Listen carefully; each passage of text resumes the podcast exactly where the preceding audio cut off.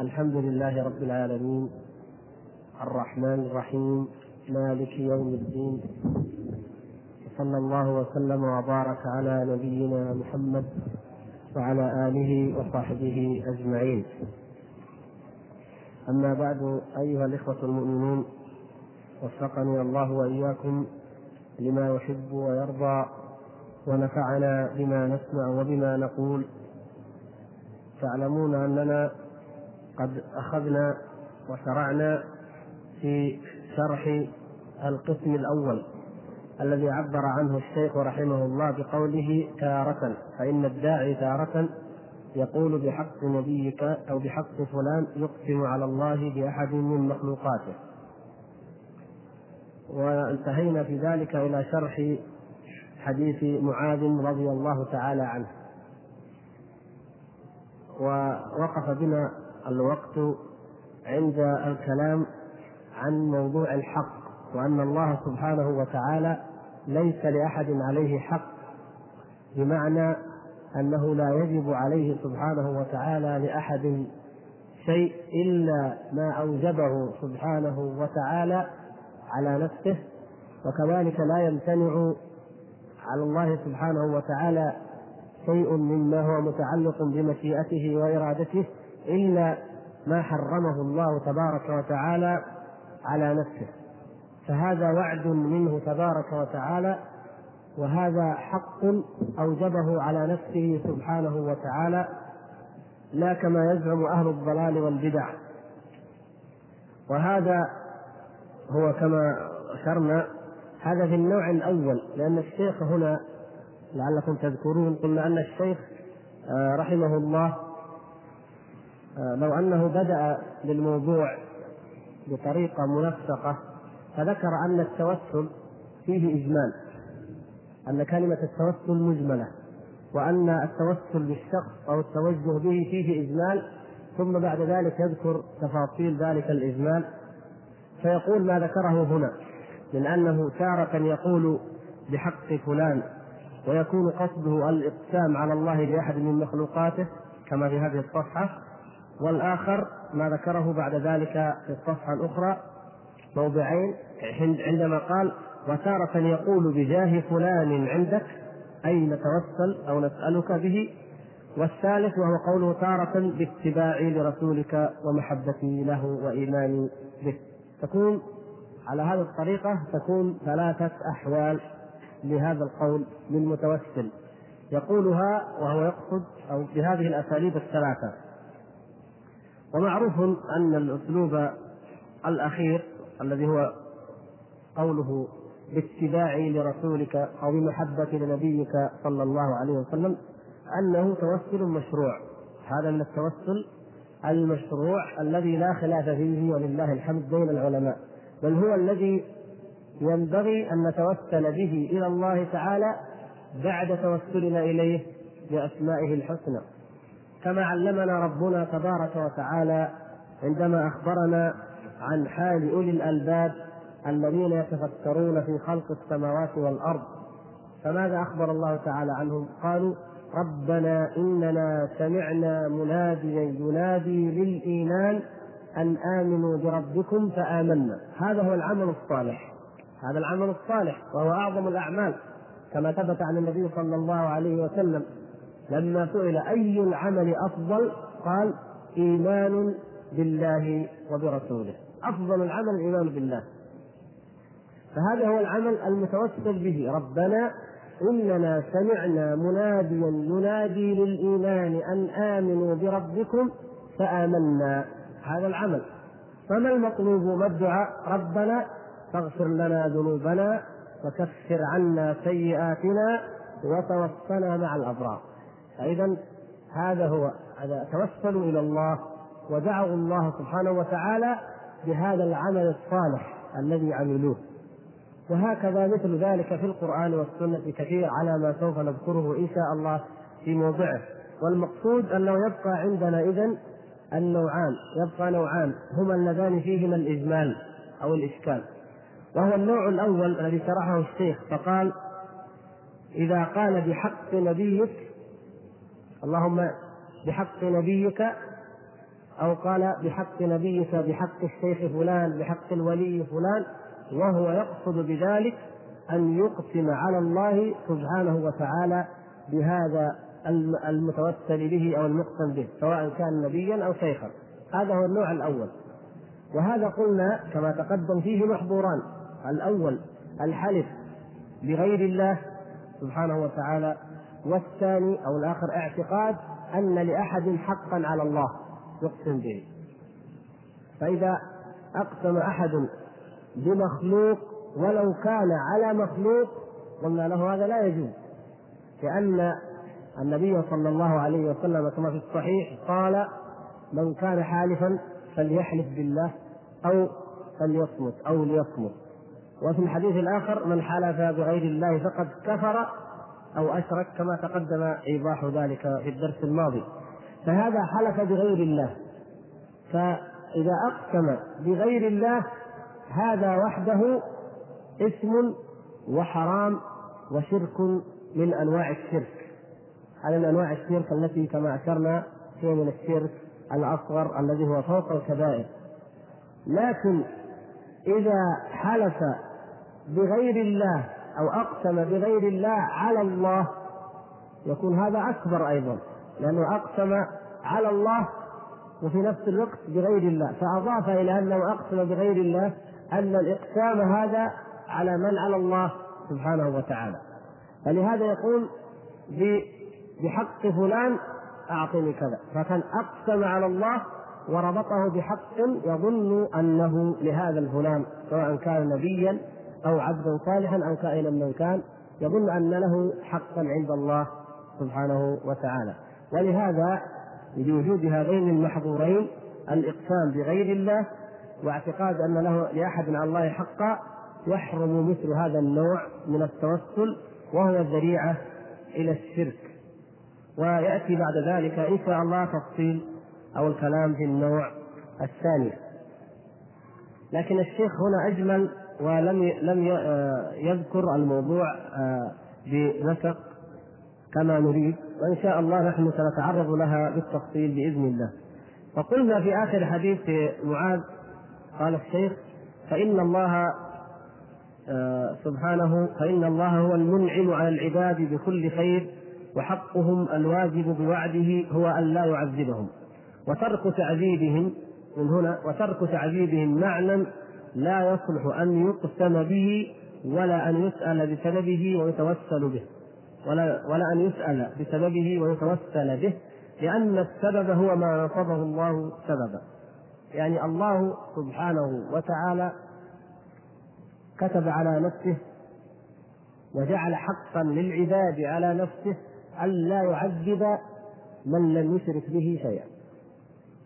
والمقصود بهذا النوع هو من حقق التوحيد باليقين والكمال من حقق كمال اليقين وكمال الإخلاص وفي الوقت نفسه لم يأتي بكبائر ذنوب تضعف ذلك وتوهنه.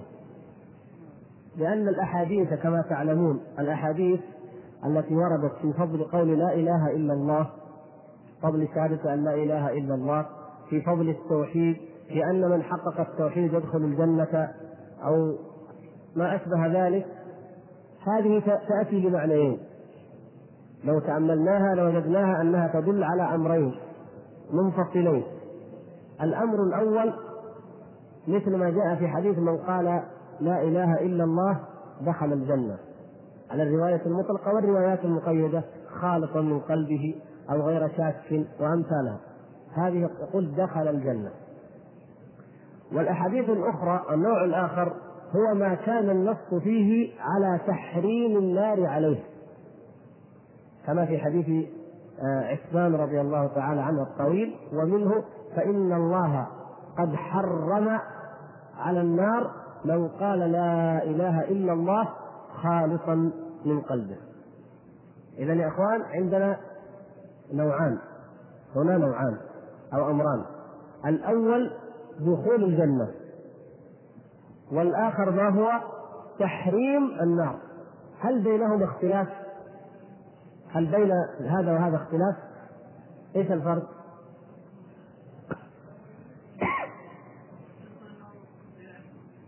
احتمال أيوه آه، الوعد بدخول الجنة ليس معناه أنه لا يدخل النار إذ يحتمل أن يدخل النار ثم يخرج منها لأنه من أهل التوحيد. كما سبق معنا في أبواب الشفاعة الماضية. فاذا عندنا هذا الاحتمال. لكن إذا جاء النص في النصوص التي جاءت حرم الله عليه النار. فإن الله قد حرم النار. إلا غفرت لك ولا أبالي. وأمثال ذلك إن جاء في تحقيق لمن حقق التوحيد هذا معنى آخر نفهم منه أن هذا لا يدخل النار. لماذا؟ توحيده هذا هذا الذي حرم الله تعالى عليه النار بلا شك توحيده ويقينه وإخلاصه وصدقه أعظم من ذلك الذي جاء فيه الوعد بأنه يدخل الجنة. وإن كان كما قلنا قد يكون ممن ممن قال فيه النبي صلى الله عليه وسلم يدخل الجنة من قال لا إله إلا الله صادقا من قلبه أو غير شاك أو آخر ذلك قد يكون أيضا يشمل هذا النوع. يعني لا يعني أنه لابد أن يعذب ولكن الاحتمال هنا وارد وأما هناك فلا يرد. فهذا الحديث حديث معاذ. من النوع الثاني حقه عليه أن لا يعذبهم. اذا هذا مثل حديث عثمان رضي الله تعالى عنه. ويفيد أن من حقق التوحيد لا يعذب يحرم على النار اذا هذا الذي كما ذكر ذلك شيخ الإسلام ابن تيمية رحمه الله هذا الذي شهد أن لا إله إلا الله وأتى بهذه الشهادة مع اليقين مع اليقين والإخلاص والصدق ولم يأتي معها بسيئات تضعفها أو تهنها وهذا يحتمل حالتين. الحالة الأولى أن يكون شهد أن لا إله إلا الله بهذا اليقين والإخلاص والصدق وحقق سائر الشروط ثم بقي على ذلك. طبعا الإيمان يضعف كما تعلمون يعتريه الضعف لكن هذا الإنسان بقي يقوي إيمانه ويجاهد نفسه فكلما أرادت أن تسقط أو أن تضعف درجتها ومنزلتها في التوحيد والإيمان قواها فلقي الله سبحانه وتعالى وهو ما يزال على تلك القوة في الإيمان وفي تحقيق الشهادة. فلذلك حرم على النار. والنوع الآخر أو الاحتمال الآخر كلاهما يقع هذا وهذا أن يكون ارتكب من الموبقات ومن الذنوب ومن المعاصي ما شاء الله سبحانه وتعالى. ولكن ولكنه عند الموت تاب توبة نصوحا أو قريبا من الموت تاب توبة نصوحا وشهد أن لا إله إلا الله بيقين وصدق وإخلاص وتحقيق لشروطها ولقي ربه سبحانه وتعالى ولم يقارف ما يوهنها لم يقارف كبيرة أو إصرارا على صغيرة يوهن هذا اليقين وهذا الصدق وهذا الإخلاص. فلهذا حاله هذا يكون من النوع إيش؟ الأخير وهو الذي حرم الله عليه النار. ومن هذه الطائفة الطائفة الذين سبق أن مضى الحديث عنهم وهم السبعون الفا الذين يدخلون الجنة بغير حساب. فهؤلاء هم آه، قمه وذروة من حقق التوحيد من المؤمنين.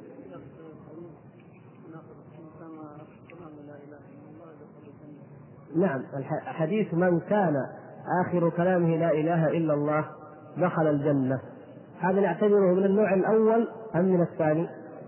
من الأول لأن دخل الجنة تحتمل أن يدخلها ابتداء وأن يدخلها بعد أن يدخل النار. فنرجع إلى نفس الميزان والمعيار. فإن كان هذا الرجل قالها بيقين وإخلاص وصدق حتى وإن لم يقلها إلا عند الموت ولم يتبع ذلك بسيئة أو كبيرة فهذا الرجل يكفر الله سبحانه وتعالى عنه بهذا القول كبائر ما ارتكب من ذنوب ويغفر الله سبحانه وتعالى له ويكون ممن يدخلها ابتداء. وإن قالها كانت آخر كلامه ولكنه قالها مع عدم تحقيق اليقين والإخلاص والصدق والعلم وسائر الشروط التي تعرفونها لها ومع ذلك جاء بسيئات وكبائر لم يتب منها في تلك الحالة وإنما قال لا إله إلا الله وشهد شهادة الحق ومات من غير أن يتوب من السيئات تلك فهذا توزن حسناته وسيئاته عند الله سبحانه وتعالى. فإما أن ترجح الحسنات فهذا يدخل الجنة ابتداء وإما أن ترجح السيئات فيكون حاله ما علمتم إما أن يعفو الله سبحانه وتعالى عنه أو يقبل فيه شفاعة الشافعين أو يعذبه في النار بعدله تبارك وتعالى ثم يخرجه منها بشفاعة الشافعين على النحو الذي سبق في أبواب الشفاعة. فمثل هذه آه، نعرف بها حقيقة مذهب السلف الصالح رضوان الله تعالى عليهم ومباينته لما كان عليه الخوارج والمعتزلة من جهة. والمرجئة من جهة أخرى عافانا الله وإياكم من الضلال. يقول لأن السبب هو ما نصبه الله سببا. السبب هو ما جعله الله تبارك وتعالى سببا لا ما يتوهمه الناس سببا. فترك تعجيب أهل التوحيد معنى من المعاني لم يجعله الله تعالى سببا من الأسباب التي نتوسل بها أو نتقرب بها إليه. مسألة أجنبية بعيدة. كما سبق ويأتي أيضا تفصيله لما يقول بحق فلان أو بجاه فلان. نعم النبي صلى الله عليه وسلم له جاه عند الله تبارك وتعالى ومنزلة عظيمة. لكن أنت أجنبي عن هذا الجاه وعن هذه المنزلة. الله سبحانه وتعالى وعد رسوله صلى الله عليه وسلم أو أحدا من خلقه أو أنت تظن أنه وعده كرجل صالح تظن أنت فيه الخير فالله تعالى وعد أهل الخير والصلاح والتقوى بالأجر العظيم. طيب فما شأنك أنت عندما تتوسل إلى ربك بمنزلة غيرك؟ ما شأنك؟ ما العلاقة؟ علاقة أجنبية. العلاقة الحقيقية أن هذا أجنبي عن, عن هذا. لما؟ لما تسأل الله بعمل غيرك؟ والله سبحانه وتعالى جعلنا جميعا عبيدا له. وافترض علينا جميعا عبادته وطاعته وجعل لنا أسبابا مشروعة هي الوسيلة إليه سبحانه وتعالى وأمرنا أن نبتغي الوسيلة إليه بها وهي توحيده جل وعلا وطاعته واتباع أوامره واجتناب نواهيه وشرع لنا ما نتوسل به إليه وهي اسماؤه الحسنى وكذلك الأعمال الصالحة على ما يأتي تفصيله إن شاء الله. المقصود هنا أن السبب هو أو ما توهم الناس أنه سبب إلى الله سبحانه وتعالى، فهذا من القول على الله تعالى بغير علم، أن يظن بعض الناس أن منزلة فلان عند الله تشفع لك أيها الأجنبي فلان ابن فلان. لما؟ لكن كما ترون إن شاء الله النبي صلى الله عليه وسلم إذا قلت اللهم إني أني أتوسل إليك بمحبتي كما في النوع الثالث أو باتباعي باتباعي لرسولك صلى الله عليه وسلم بمحبتي لرسولك صلى الله عليه وسلم. إذا هنا لم تعد القضية علاقة مباينة علاقة أجنبية لا الآن أصبح هناك رابطة هنا رابط وهو اتباعك أنت فهذا من عملك. محبتك أنت للرسول صلى الله عليه وسلم وهذا من عملك. فاذا أنت في هذه الحالة تتوسل إلى ربك بعملك الذي عملته أنت. وهو محبتك له صلى الله عليه وسلم واتباعك له. وهذه هي الوسيلة المشروعة التي شرعها الله تبارك وتعالى والتي وصف بها أولياءه كما ذكرنا في القرآن. وصف أولياءه بأنهم يتوسلون إليه بالإيمان به وبطاعته. وننتقل الآن إلى الحديث الذي أشكل على بعضكم وأجلناه إلى أن يأتي شرحه وهو حديث أبي سعيد رضي الله تعالى عنه الذي في المسند.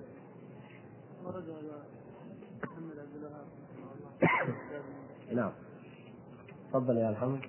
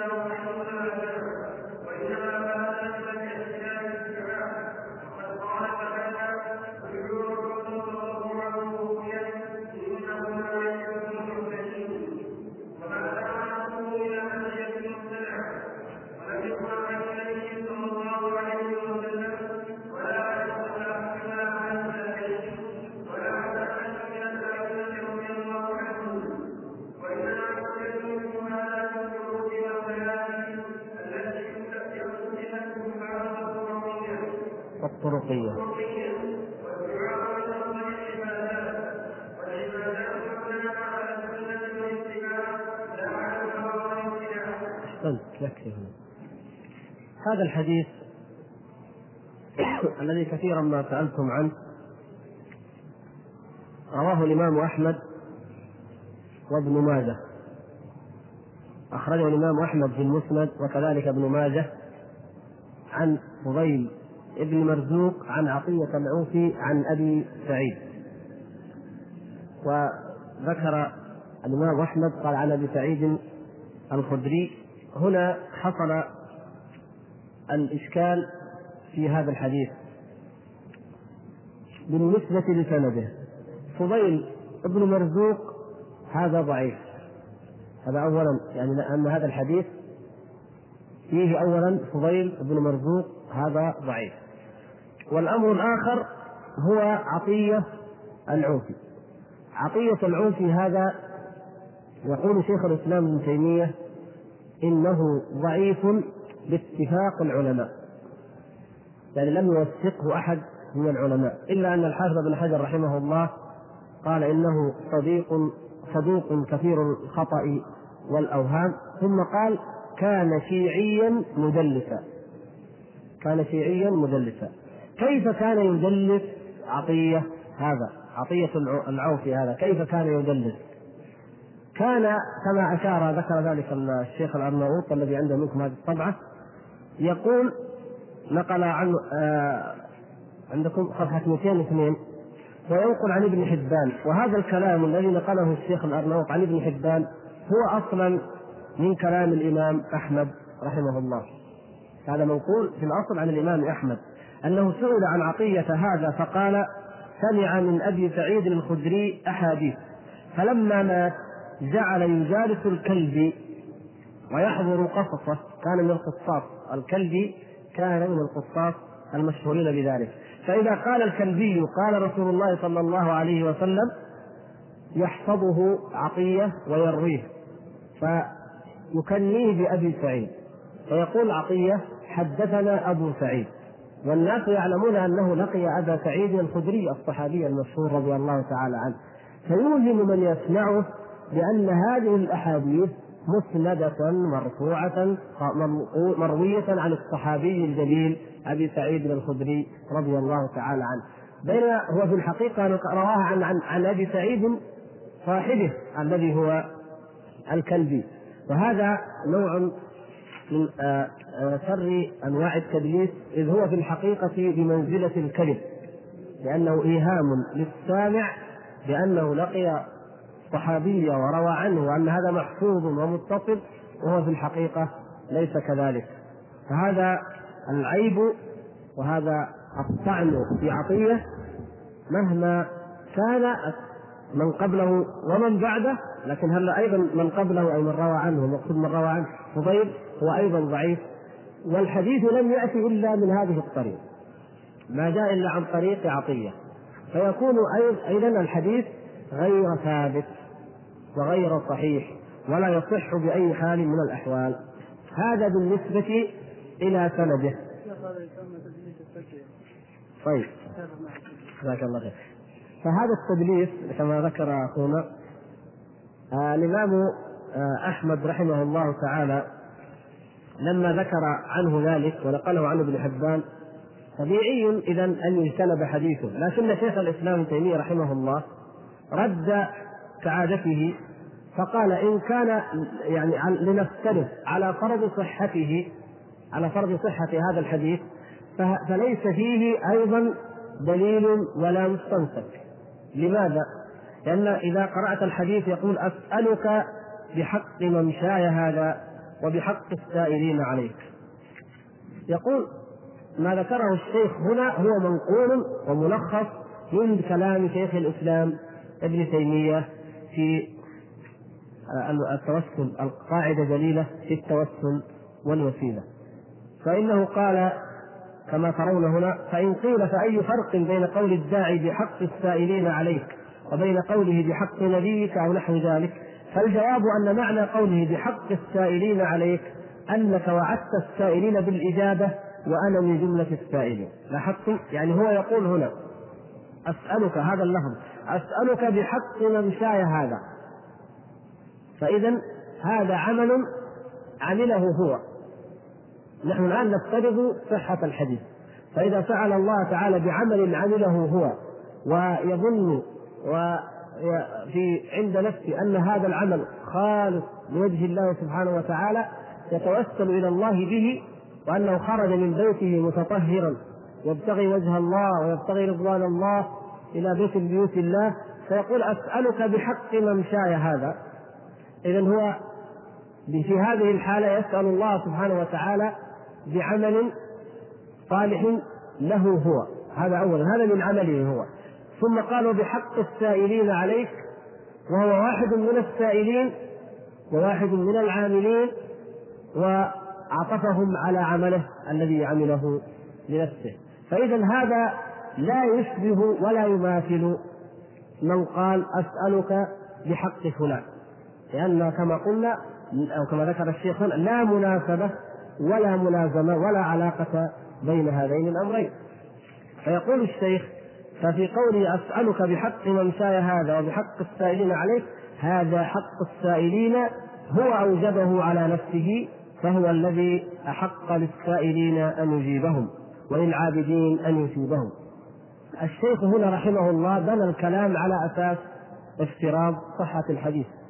ونحن أولا نقول إن الحديث غير صحيح. فكلام الشيخ هنا يجب أن نعلق عليه بأن الحديث غير صحيح وأن هذا الكلام ما هو إلا على فرض صحته زيادة من علماء السنة رحمهم الله تعالى في نفي أي استدلال لأهل البدعة بأي بأي وجه من الوجوه. فأجاب شيخ الإسلام ابن تيمية بهذا الكلام الذي لخصه الشيخ هنا وهو أن الحديث لا دلالة فيه حتى على فرض صحته. فالشيخ يأتي به جاء به في قضية القضية الأولى وهي أنه لا حق لأحد على الله سبحانه وتعالى. فيقول إن هذا الحق الذي ورد في هذا الحديث هو حق أوجبه الله على نفسه وهو الذي أحق للسائلين أن يجيبهم وللعابدين أن يثيبهم. وليس لأحد عليه حق أو لم لم يلزمه سبحانه وتعالى أحد بهذا الحق ولا بغيره من الحقوق. وذكر بذلك قول الشاعر ما للعباد عليه حق واجب كلا ولا سعي لديه ضائع. نعم ليس لأحد من الخلق على رب العالمين سبحانه وتعالى حق واجب. وكذلك لا سعي ضائع لأحد منهم لأنه سبحانه وتعالى لا يظلم مثقال ذرة وإن تك حسنة يضاعفها. وهو كما أخبر من جاء بالحسنة فله خير منها. من جاء بالحسنة فله عشر أمثالها. ومن جاء بالسيئة فلا يجزى إلا مثلها. فانظروا إلى هذا الكريم سبحانه وتعالى الذي هذا ميزانه وهذه معاملته لعباده. فليس هنالك حق واجب عليه ولا سعي يضيع عنده سبحانه وتعالى. إن عذبوا فبعدله. فالله سبحانه وتعالى لا يظلم مثقال ذرة ولن يعذب الله تبارك وتعالى أحدا إلا وهو مستحق لذلك. وهذا ما تقدمت الإشارة إليه ويأتي أيضا في في ما بعد هذا المبحث عند الحديث عن أصحاب الفترة وعند الكلام عن الميثاق الذي أخذه الله تبارك وتعالى على بني آدم وهو أننا إذا اعتقدنا وآمنا وهذا واجب علينا أن الله سبحانه وتعالى لا يظلم أحدا أبدا فحينئذ لا نتساءل كيف يعذب أهل الفترة ولم يرسل إليهم رسول. السيف ينتج معملها بقرة. أنا أضرب لكم وأقدم لكم لا كما قال هذا بعيد الصلة بل أنا أقول لكم كلاما أنا وثيق الصلة به وقرأته. في روسيا التي كما أشرنا من قبل تؤمن بأنه لا إله والحياة مادة وهذا دينها وعقيدتها أن الحياة مادة. كلف الطاغوت الهالك الصالون كلف العلماء في روسيا بأن ينتجوا في المعمل مادة حية. وهو من أبسط أنواع المواد الحية.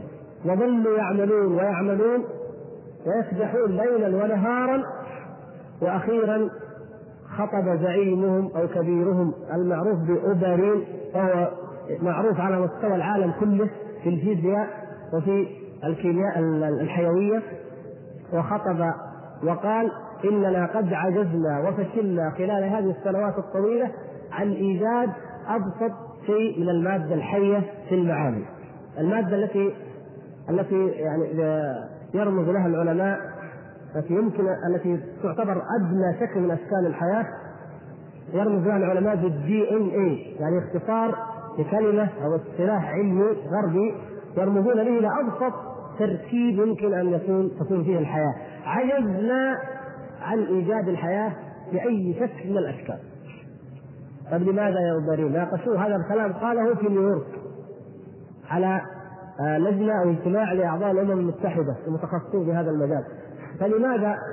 قال إننا إذا أردنا أن نوجد نفس الظرف إذا أردنا أن نوجد الحياة فعلينا أن نوجد نفس الظرف الذي وجدت فيه المادة الحية الأولى التي منها نشأت الحياة في هذا الكون. يعني على نظرية داروين أن الحياة كلها نشأت من خلية واحدة جرثومة واحدة أو كائن في خلية واحدة ثم بعد ذلك تطورت حتى وجدت الحيوانات ثم وجد البشر. هذا الخيال الوهم الكبير الذي لا يصدقه عقل من عقول أصحاب العلم حتى من الملحدين منهم فضلا عن المؤمنين بالله سبحانه وتعالى. يقول لابد أن نوجد نفس الظروف. يعني كيف؟ يعني نرجع الأرض إلى قبل ملايين السنين حينما كانت حارتها كذا وارتفاع الموج كذا والثلج كذا والظروف نفسها. طيب إذا ما نقدر من الذي يستطيع أن يعيد الدنيا إلى ما كانت؟ قال يمكن أننا ننظر إلى كوكب آخر يعيش نفس الظروف ونجرب عليه. وإنا لفي الانتظار. وسبحان الله هذا العنوان أيضا يقول وأنا أيضا في الانتظار. ننتظر. سبحان الله. نترك ما أنزل الله تعالى علينا وما نعلمه علم اليقين من أنه سبحانه وتعالى المتفرد بالحياة وأن غيره من المعبودين والطواغيت والعلماء مهما كان علمهم لن يخلقوا ذبابا ولو اجتمعوا له وإن يسلبهم الذباب شيئا لا يستنقذوه منه. ضعف الطالب والمطلوب كما قال سبحانه وتعالى فليخلقوا حبة فليخلقوا ذرة فليخلقوا شعيرة. لا يمكن ابدا لا يمكن ولن يفعلوا هذا اختص الله تعالى به. ومع ذلك يقولوا لا لا تقولوا نحن في الانتظار. العلم يتطور لا تستعجلوا. طيب ما نقدر نعيد التاريخ إذا ننتظر وإلا إذا ما صدقنا نقوم نعمل رحلة فضائية وندور في الكواكب فوق حتى نلقى كوكب دون الأرض ونبدأ نجرب ونحط معمل هناك. سبحان الله. كيف هذا الكبر والإعراض؟ هذا أشد هؤلاء أشد كبرا وأشد كفرا من كفار قريش وأمثالهم ممن عاند النبي صلى الله عليه وسلم وكذبه. لأن هؤلاء يحاولوا على مجهول على معدوم على شيء هم يعلمون أنه لم يوجد ولم يصح بأي حال من الأحوال.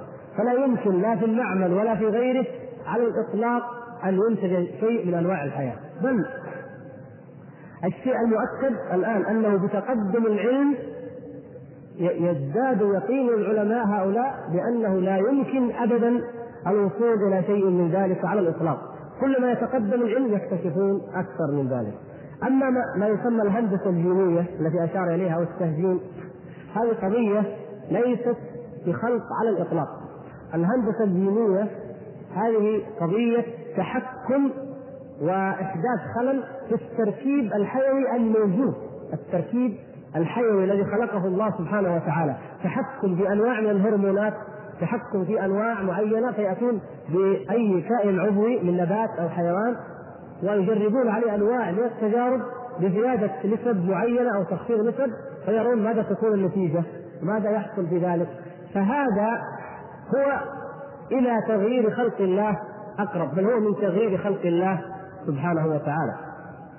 مثلا إذا حقن الرجل الذكر بهرمونات أنثوية يتحول صوته إلى صوت أنثى يتساقط الشعر من وجهه ومن وضع الرجوله ويبقى شكله شكل أنثى. هذا شيء هذا من تغيير خلق الله قطعا وهو الذي ذكره الله وذكر أنه من عمل الشيطان. ولا أمرنهم فلا يغيرن خلق الله. هذا منه قطعا. فهذا شيء ليس ولا يقرب في أي شكل من الأشكال من إيجاد حياة على الإطلاق. ولهذا هذا العلم الهندسة الجينيه كما آخر ما قرأت عنه ما يزال حتى في الولايات المتحدة الأمريكية محظورا تماما عن نطاق التجريب الواقعي على على البشر أو أن يخرج إلى حيز العلم المعترف به، هو نعم موجود ويمارس لكن في نطاق الأخصائيين فقط.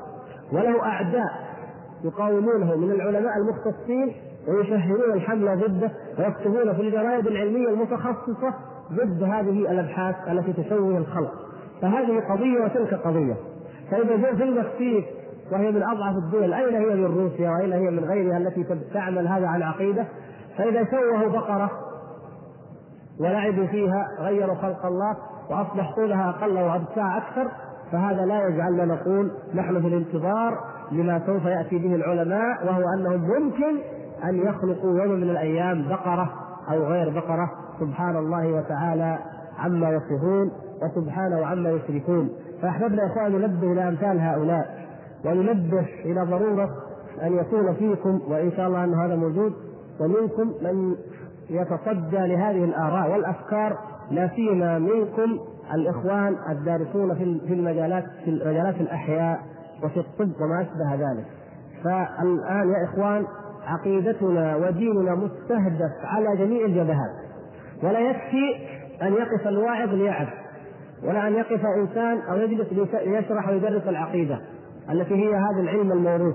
بل يجب علينا جميعا أن نقف في كل جبهة وفي كل ثغرة ومنها هذه الثغرة العظيمة. هذا الكلام ليس مجرد عبث عبثا صحفيا ليس عبثا صحفيا فقط.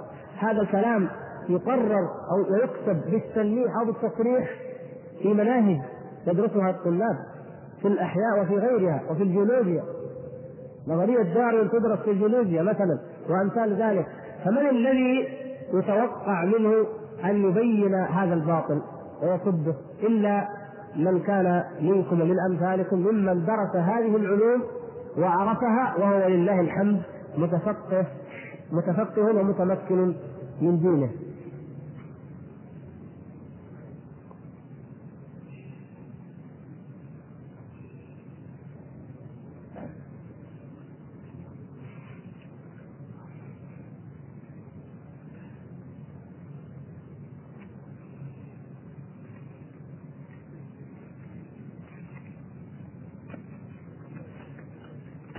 هذا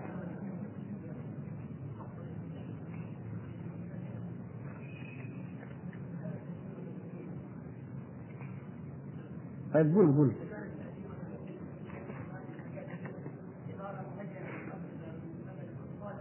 أيوه أيوه هذه قضية أخرى. الأخ يقول إذا استفدنا من هذا يسمى التهجين في النباتات. تعلمون أن الله سبحانه وتعالى أودع في هذا هذه المخلوقات أودع فيها أسرارا وعجائب وهي كلها تمشي حسب سنة إلهية. آه هناك رجل قسيس منزل ابو منزل نعم اكتشف قانون الوراثة وكيف يمكن ان تكون عملية الوراثة. ثم جاء من بعده من علماء الأحياء اكتشفوا ناقلات الوراثة التي تسمى الجينات التي تنسب اليها الهندسة الهندسة الجينية الآن آه، هناك نوع من العلماء لم ينصرفوا إلى الهندسة الجينية هذه التي تختص بالعبث بالإنسان أو بالمخلوقات الحية بل قالوا نسخر هذه العلوم في أو معرفة هذه الخصائص الوراثية نسخرها في تحسين الأنواع النباتية. وطبق هذا من زمن قديم. هذا ليس حديثا. فيأتون بنوع من أنواع الفواكه من أنواع الخضار مثلا من الطماطم مثلا. إذا هجنت من نوعين ينتج نوع ثالث أفضل. يجربون يجربون ثم يأتون بالنوع هذا المهجن ويزرعونه القمح مثلا النوع الذي يسمونه المسيكي أو الكندي الذي يزرع الآن في المملكة هو نوع مهجن يعني هجن حتى أصبح نوع ينتج حبة أكبر وفي نفس الوقت في مدته مدة استكمال النبتة أقل.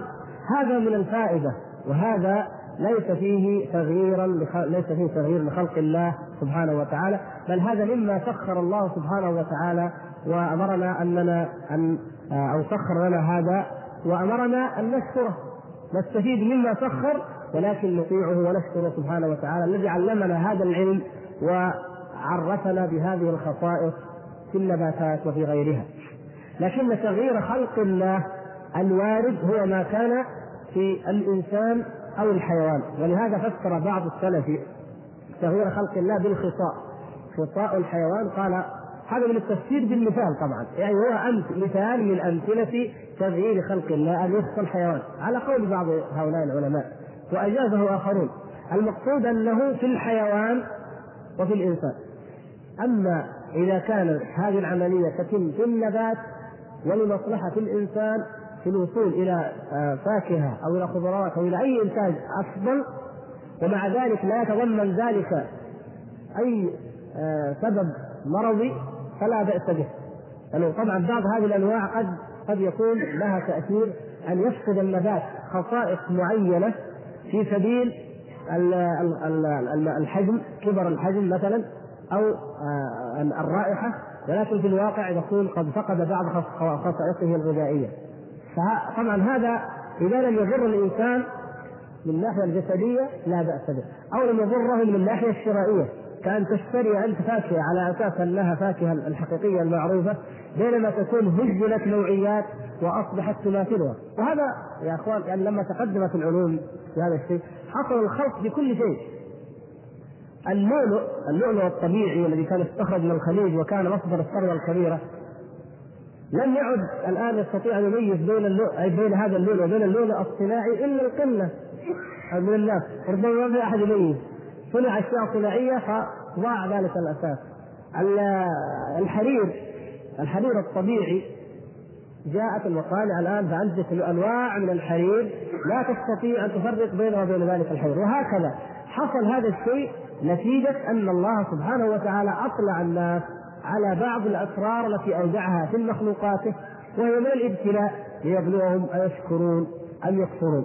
لكن كل ذلك يرجع للأحكام الأساسية في ديننا. ما كان حراما فهو حرام وما كان حلالا فهو حلال وما أشكل علينا من أمر في هذه الأمور نرجع فيه إلى أهل العلم ونرجع فيه إلى الأصول والقواعد الشرعية العامة.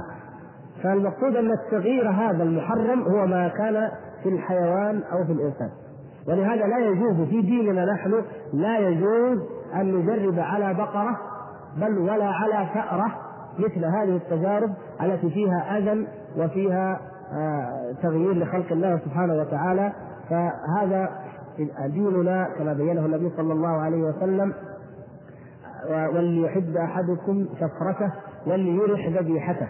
وأنت في حال الذبح وليس بعد الذبح وليس بعد الموت شيء. ومع ذلك لا تعذب البهيمة بذبحها. ونهينا عن القتل بحرقا بالنار حتى وإن كان من الحيوان. وأيضا الإنسان كما تعرفون قصة علي بن أبي طالب رضي الله تعالى عنه لما حرق الزنادقة الرافضة الذين الهوه فقال له عبد الله بن عباس أن أنكر عليه. وقال له إن هذا منهي عنه أنه لا يعذب بالنار إلا ربها سبحانه وتعالى كما روى ذلك الإمام البخاري في الصحيح.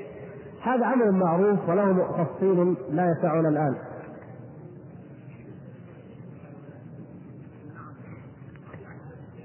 التهجين عن طريق الله يفتح عليك. نعم أنا أنا التهجين عن طريق التلقيح. يعني هذا معروف من قديم.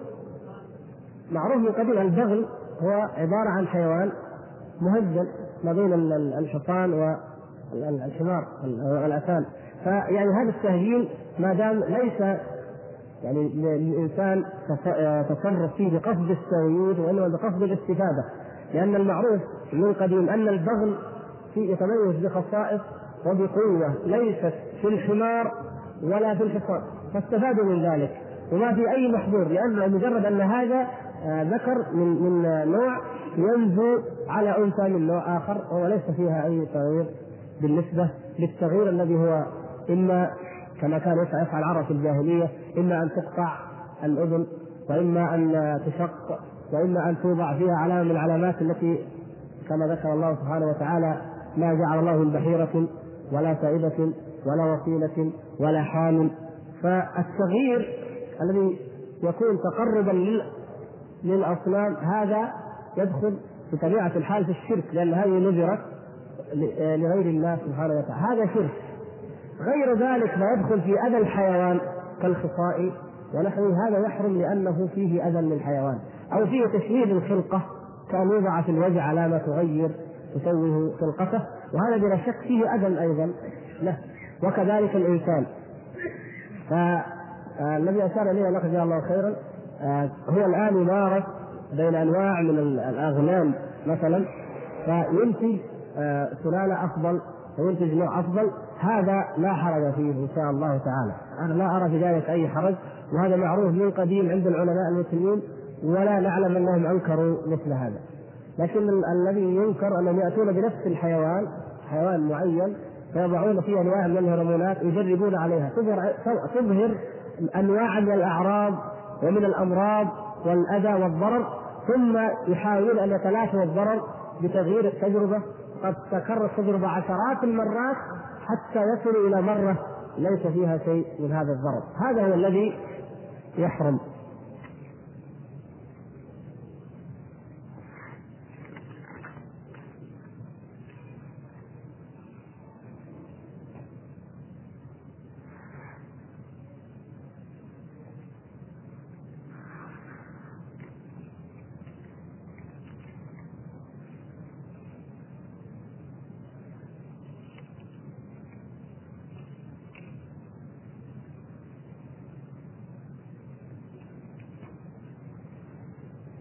ما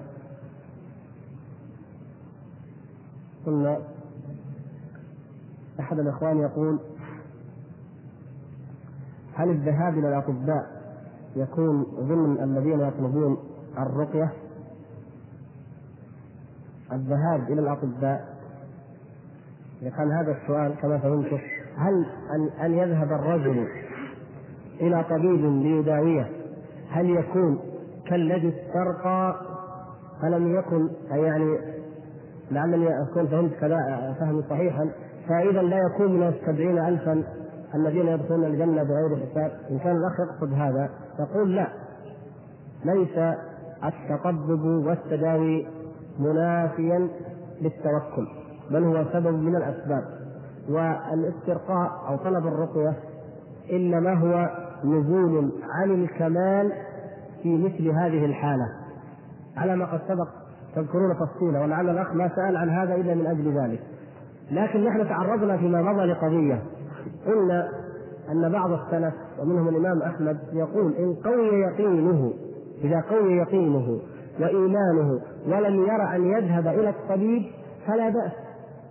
إنسان يقول هذا البلاء نعمة رحمة من الله سبحانه وتعالى تكثير من الذنوب والخطايا وأنا أصبر على قضاء الله ولا أريد أن أذهب إلى الطبيب. وصبر واحتسب ذلك لا حرج إن شاء الله.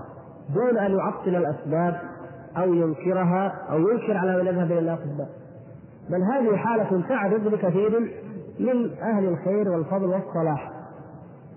يعني بصراحة في مجتمعنا المعاصر لما في المستشفيات من الفساد أصبحنا نفعلها لا ورعا ولا يقينا ولا قوة في التوكل ولكن خوفا من الفتنة والعياذ بالله تذهب لتتعالج فتفتتن أو ترى منكرات لا تستطيع أن تغيرها لا يا أخي أصبر على المرض واشرب لي من ماء زمزم أو من أي سبب من الأعشاب الموجودة وأحمد الله ونرتاح من المصيبة. يعني المقصود إيش؟ أن قد تأتي أسباب ليست بالضرورة أن الإنسان ينكر الطب أو ينكر الأسباب المشروعة. فالقدح في الأسباب أو الإعراض عن الأسباب بالكلية هذا هو الذي ينافي ما أمره الله وما شرعه الله سبحانه وتعالى. والنبي صلى الله عليه وسلم قال تداووا عباد الله. تداووا. بعض العلماء قال الأمر هنا للوجود وبعضهم قال الأمر للإباحة على خلاف بين العلماء كما تعلمون في مثل هذه الصيغة. والمقصود أن الذهاب إلى الأطباء لا ينافي التوكل. بل اذهب وتوكل. تعالج عند الأطباء وتوكل. ولو أننا نتوكل على الله حتى مع ذهابنا إلى الأطباء لكنا على درجة من الإيمان أعظم من حالنا الآن وهو الاعتماد على الأسباب والتوكل فقط على الأطباء. فنتعلق بطبيب فإذا لم يجزي انتقلنا إلى من بعده إلى من بعده إلى الخارج إلى أي مكان. وننسى أن الله سبحانه وتعالى سميع مجيب قريب وأنه يجيب دعوة المضطر إذا دعاه. ولا نلتفت إلى هذا الجانب كما بينا في الدرس الماضي وما قبله أننا ننسى هذا الجانب وهو جانب اللجوء إلى الله سبحانه وتعالى. كسبب أحد الأسباب ومن أعظم الأسباب ومن أرجى الأسباب. هذا الذي يجب أن لا نغفل عنه. فلا يجوز ان أن ننسى ربنا عز وجل لا في حال الصحة ولا في حال المرض بل نذكره وندعوه سبحانه وتعالى وليس في دعائه إلا الربح والفائدة سواء تحقق ذلك المدعو أو لم يتحقق. وإن شاء الله عندنا في الفقرة السادسة والتسعين من هذه العقيدة فقرة عن الدعاء فيها تفصيل بإذن الله في آخر الكتاب. عن الدعاء وأحكامه. من أراد أن يراجعها من الآن فلا بأس. ونرجو أن يحيينا الله وإياكم حتى نصل إليها ونشرحها بإذن الله سبحانه وتعالى. هل يجوز هل يحرم شراء الحيوانات المخصية والمخصصة وذبحها وأكلها؟ لا لا يحرم ذلك. يعني اختلاف السلف في الخصاء لا يحرم ذلك، لم يقل حتى الذين قالوا إنه منهي عنه لأنه يؤذي الحيوان لا يقولون إن لحمها حرام. هذا قول لبعض السلف وخالفهم آخرون والكل متفق على أن لحمها حلال وجائز لا يحرم بمجرد الخطاب.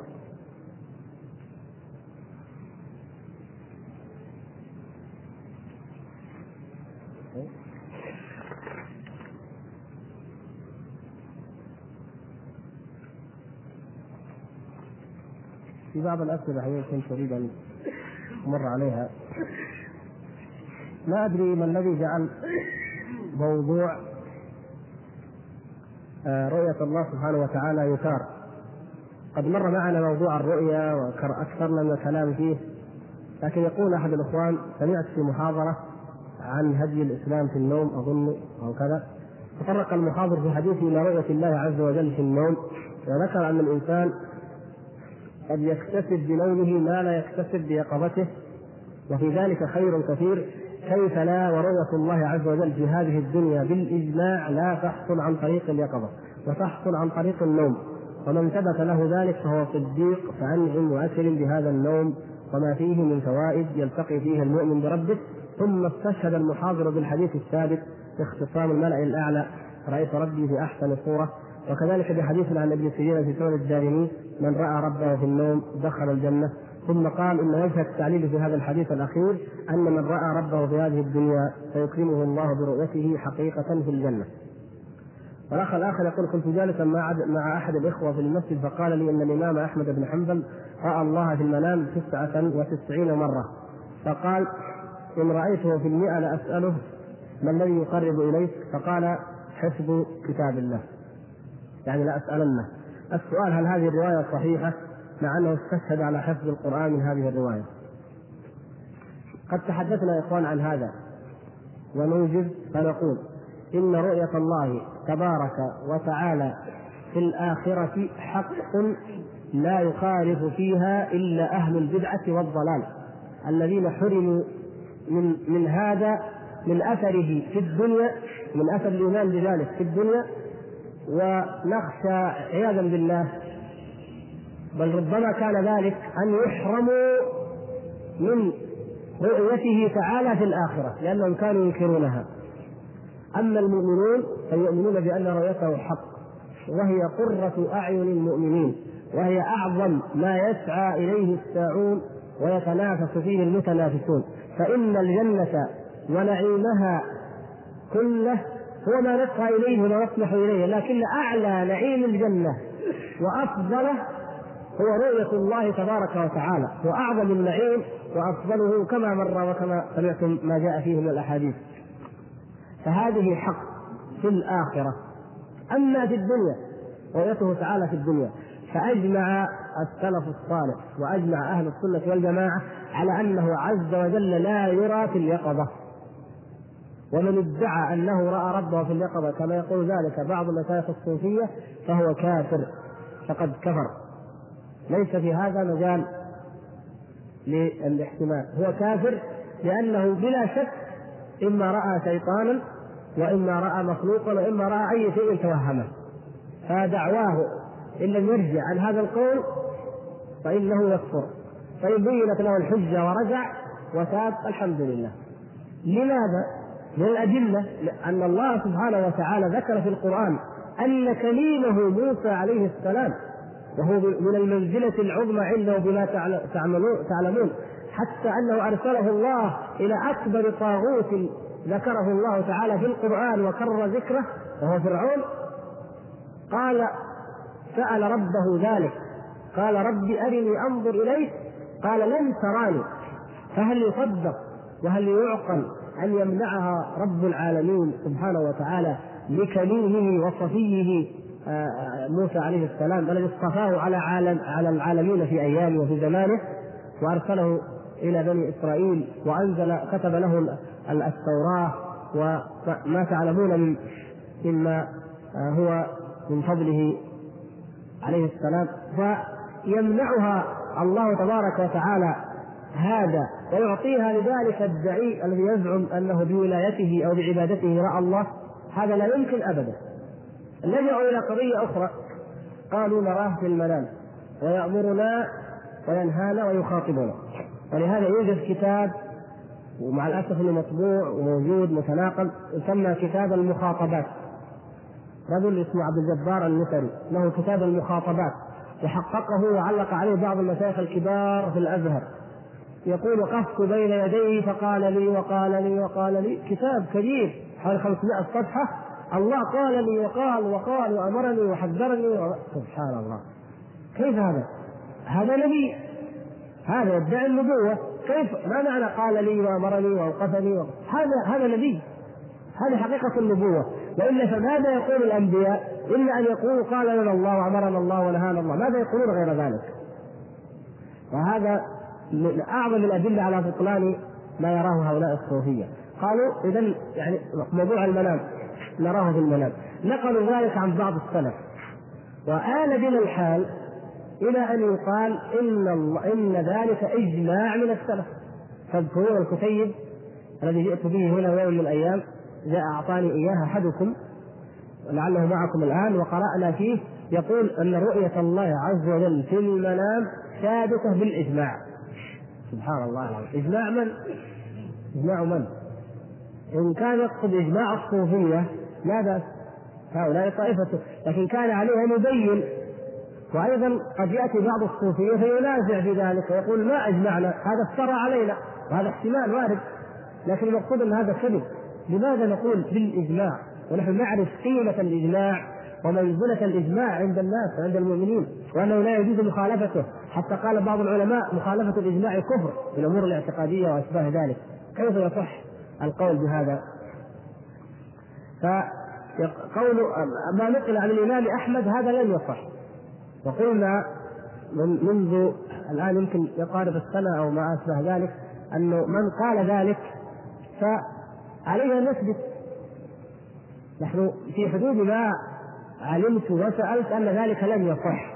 فلو أن أحدا جاءنا بشيء صحيح الحمد لله هذا يرجع إلى الصحة. لكن الآن ما حصل. فما أدري من أين يأتون بها. بعض الناس يقول لك حصل كذا أقول له هات أثبت الإمام أحمد من الله تعالى عليه سبحانه برجال ثقات. تلاميذ الإمام أحمد ثقات. المروزي والميموني وابن عبد الله رجال ثقات رووا كلامه. روى ذلك المروزي في كتاب روى الخلال آه كلام الإمام أحمد في كتاب وروى غيره. عدة كتب ألفت في مسائل الإمام أحمد ابنه أيضا صالح وابنه عبد الله. جمعوا مسائله وأقواله. فمعروفة بالسند فإن وجدتموها بشيء